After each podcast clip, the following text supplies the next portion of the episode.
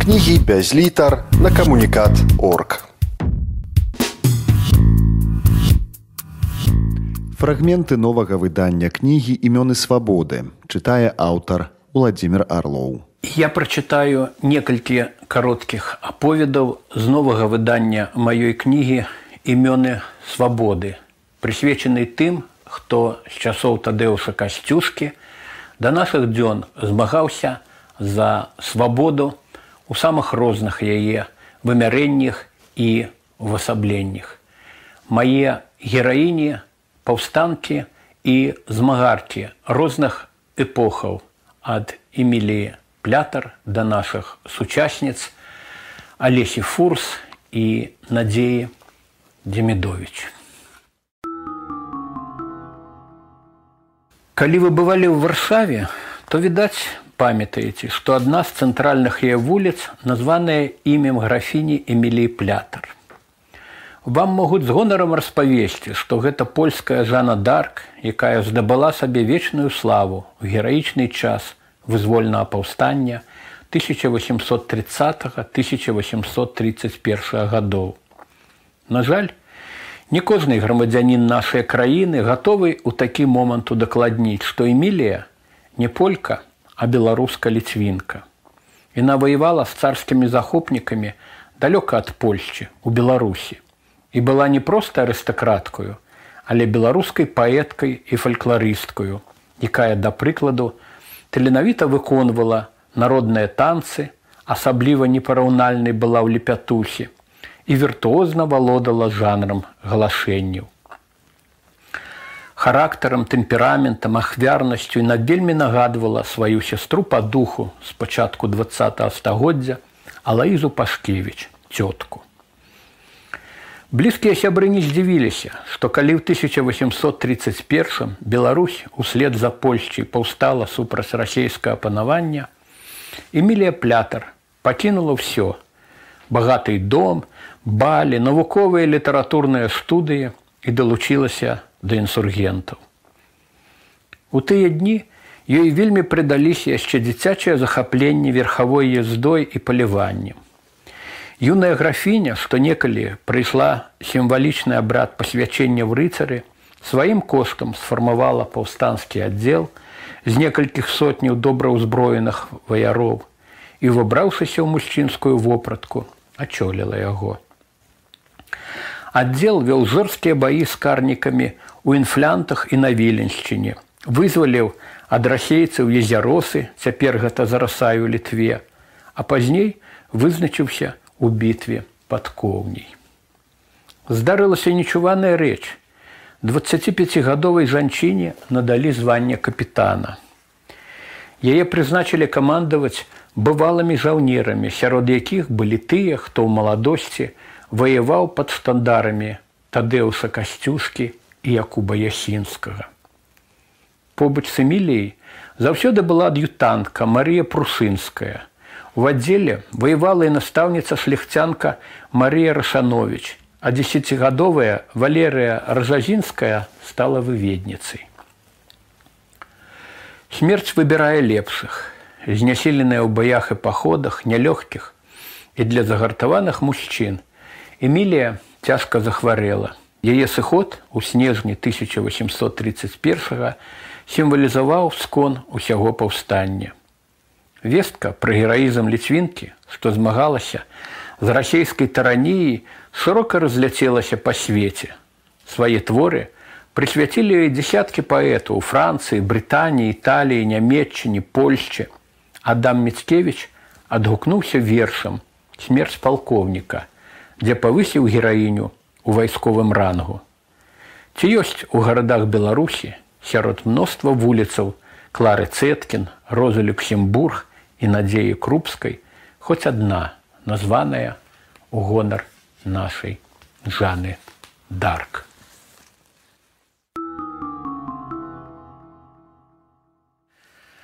Марія ямант Яна была роднай сястрою аднадумца кастуся каліновскага язэпа яманта. Юнакі пасябравалі ў петербургскім універсітэце калі каліновскі выправіўся на радзіму рыхтаваць паўстання язэп паехаў следам Кастусь часто бываў па сваіх нелегальных справах у вільні і сям'я ямантаў прапанавала яму спыняцца в іхняй кватэры на вуліцы вялікай у самым цэнтры былой сталіцы княства. Там і адбылося знаёмства кастуся і Марыі.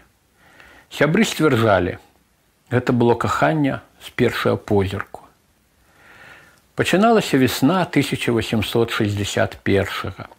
Каліновскі меў 23 гады, Марія на тры меней. Яна была адукаваная дзяўчына, ведала замежныя мовы, глыбока цікавілася гісторыяй літаратурай. Хутка кастуся сустракалі ў ямантаў ужо як самага жаданага госця. Праз год Марія зрабілася яго нарачоную. Яна прыняла ад кахана заручальны пярсцёнак і проста свяцілася шчасцем, хоць і прачувала, што наперадзе іх чакаюць нелёгкія выпрабаванні. Надзею на хуткае вяселле перакрэсліў пачатак паўстання. Кватэра ямантаў ператварылася ў яго сапраўдны штаб з нелегальнай друкарняй. Якраз там Каліновскі сустракаўся з камісарам нацыянальнага ўраду ў варшаве і адстойваў будучую самастойнасць народаў вялікага княства літоўскага і перадачу зямлі селянам. Марія стварыла падпольны жаночы камітэт салідарнасці.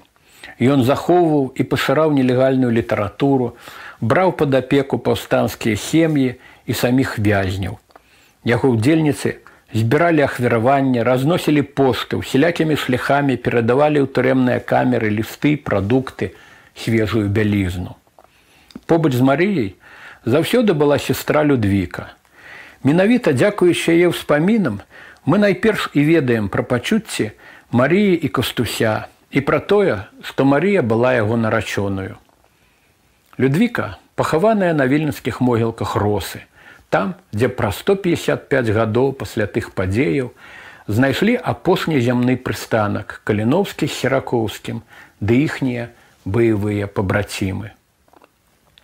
Яшчэ аднародная сестра Марыі Алена, была нявестай цітуса далеўскага найбліжэйшая паплечніка каліновскага той самай студзеньскай ноччу калі схапілі кастуся паліцыя арыштавала і сям'ю ямантаў кіраўніка паўстання зняволілі ў былым дамініканскім кляштары марыю у манастырскіх мурах насупраць яе цётка ядвіга макрыцкая падкупіла ахову і здолела наладзіць нарачоным ліставання У цыдулцы да любай каліновскі пісаў: Зайздросцю свабодзе вароны, якую бачу з вакна на снезе. Дарэчы, якраз праз цётку ядвісю удалося перадаць на волю лісты з-пад шыбеніцы. Да нас, як вядома, дайшоў і вершаваны ліст да каханай, напісанай каліновскім незадоўга да смерці. Марыська чарнаброва, галубка моя, дзе спадзелася шчасця ясна доля твоя. Разом з бацькамі і сястрой Марыю выслалі на 10 гадоў у сібірскі табольск. Увесь гэты час яна насіла жалобу па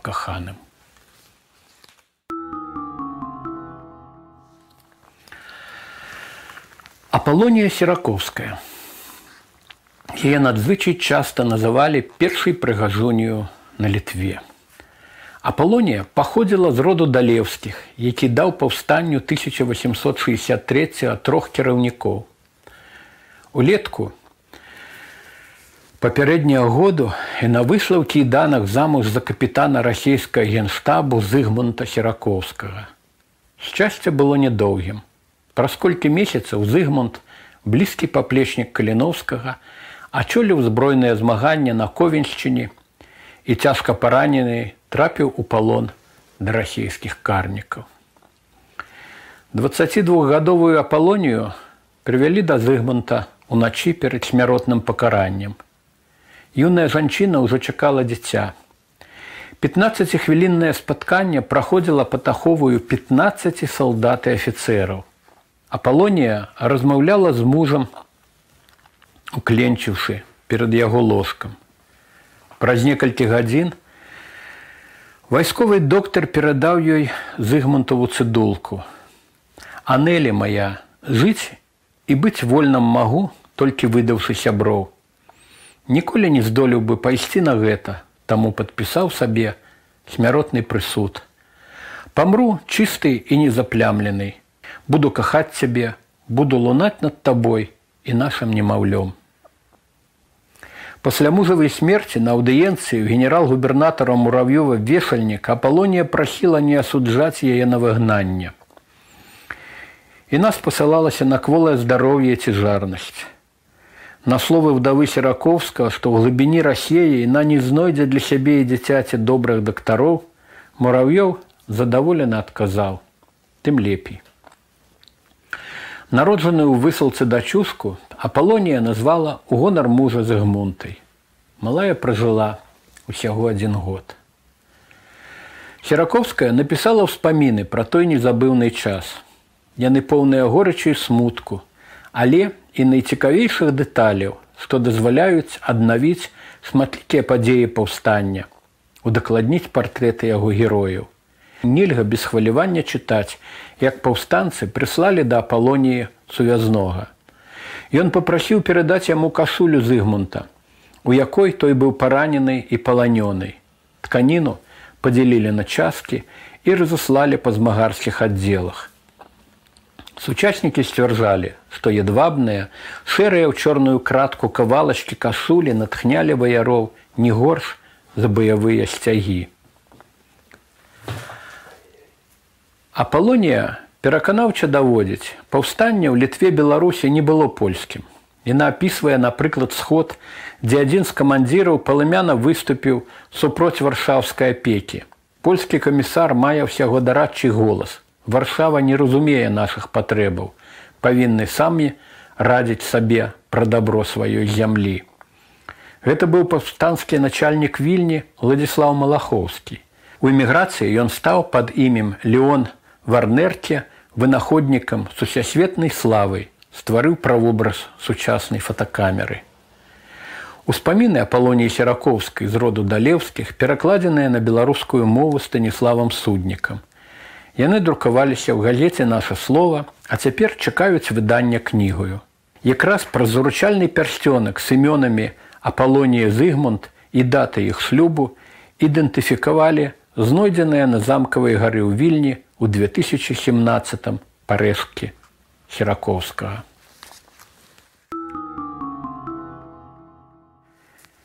Надзея Демідович. У архіпелагу гулагу Александра Салжыніцына ёсць раздзел 40 дзён кенгіру, прысвечанай паўстанню вязняў кенгірскага лагеру, што выбухнула ў 1954. У змаганні даведзеных да роспачы зняволеных брала ўдзел шмат беларусаў. Падчас разгрому бесстрашнага выступу загінула болей за 700 расціснутых танкамі і расстраляных вязняў. Калі каты пашахтавалі ацалелах на пераклічку, надзея в адказ на сваё прозвішча крыкнула: «Далоў бераеўскае беззаконне. Непакорлівую надзею, асуджаную ў 1949 за антысавецкую дзейнасць на 25 гадоў няволі этапавалі на поўнач у тайшецкія лагеры. Яна вызвалілася ў 1956, важыла ўсяго 40 кілаграмаў, але так і не была рэабілітаваная.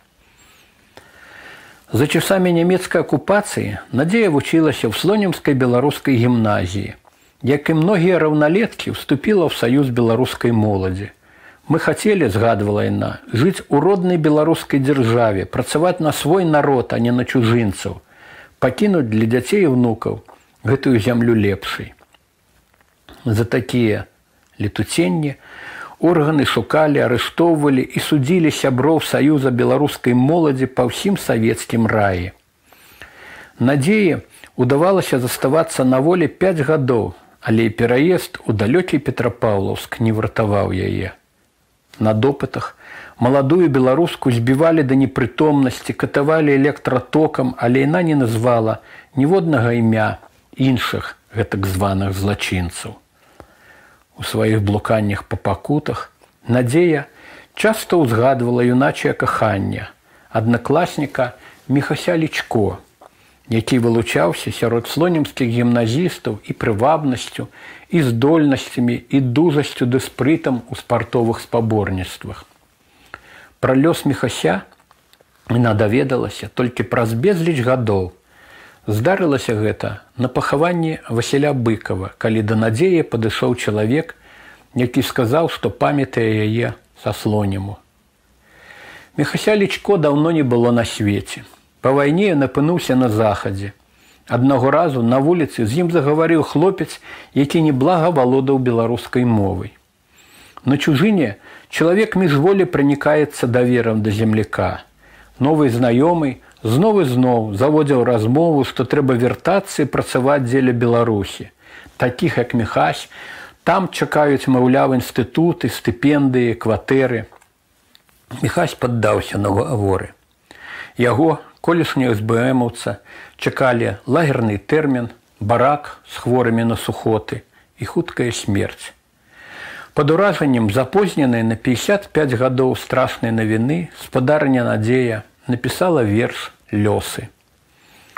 Высокі ўзлёт хапала волі сілы узняцца ўвысь, дзе шорхалі арлы, ды тую рунь чужынцы пакасілі. Надзея Дзімідович была інвалідам першай групы, хадзіла на мыліцах, але дух заставаўся магутным. Мы сустракаліся і на мітынгах, і на шэсцях у карапаты і на прэзентацыях свабодаўскіх кніг. Яна таксама напісала чатыры кнігі вершаў і ўспамінаў. Была шчаслівая, калі атрымала адрады БНР медаль да стагоддзя беларускай народнай рэспублікі. На пытанне анкеты, кім з сучаснікаў вы захапляецеся, яна адказала маладафронтаўцамі. Алеся Фурс.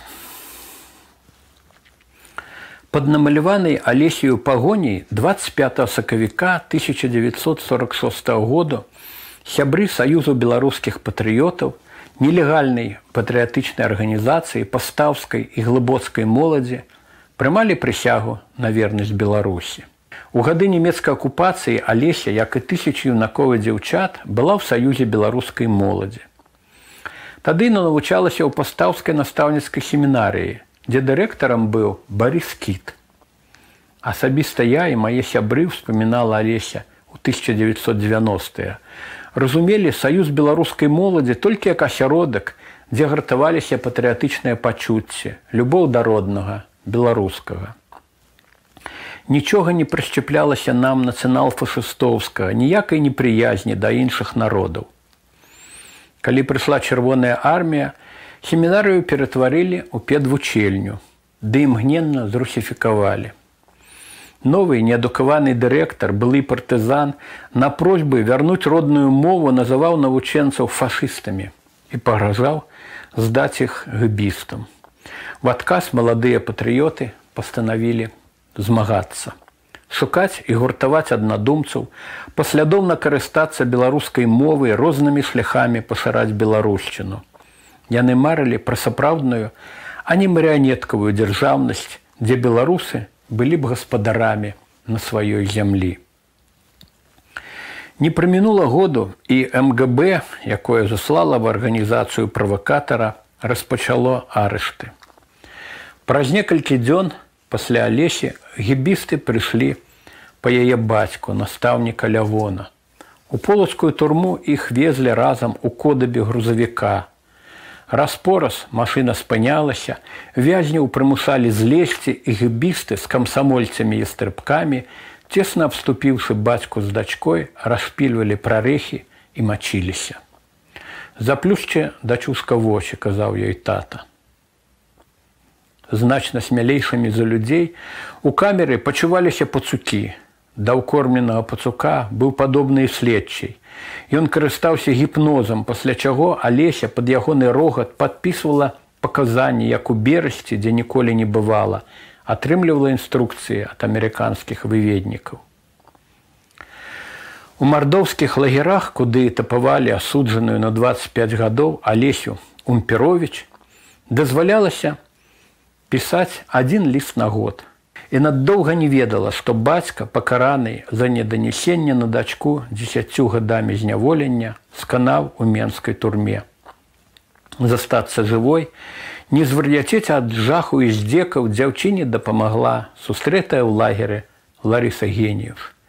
Як і гэтая шчырая верніца Алеся насіла на шыі зроблены з хлебнага мякісу крыжык. Яна вытрывала, на воле выйшла замуж за Антося Фурса з глыбоцкай філіі саюза беларускіх патрыётаў. Яны выхавалі сына Юрыя, славутага ў Беларусі каваля, напісалі пранікнёныя ўспаміны, дачакаліся на пачатку незалежнасці сваёй рэабілітацыі. Такое жыццё даў мне Бог, лічыла спадарня Алеся. Нічога ў ім я б не змяніла, бо іначай здрадзіла б сябрам і Беларусі. Кнігі без літар на камунікат орг.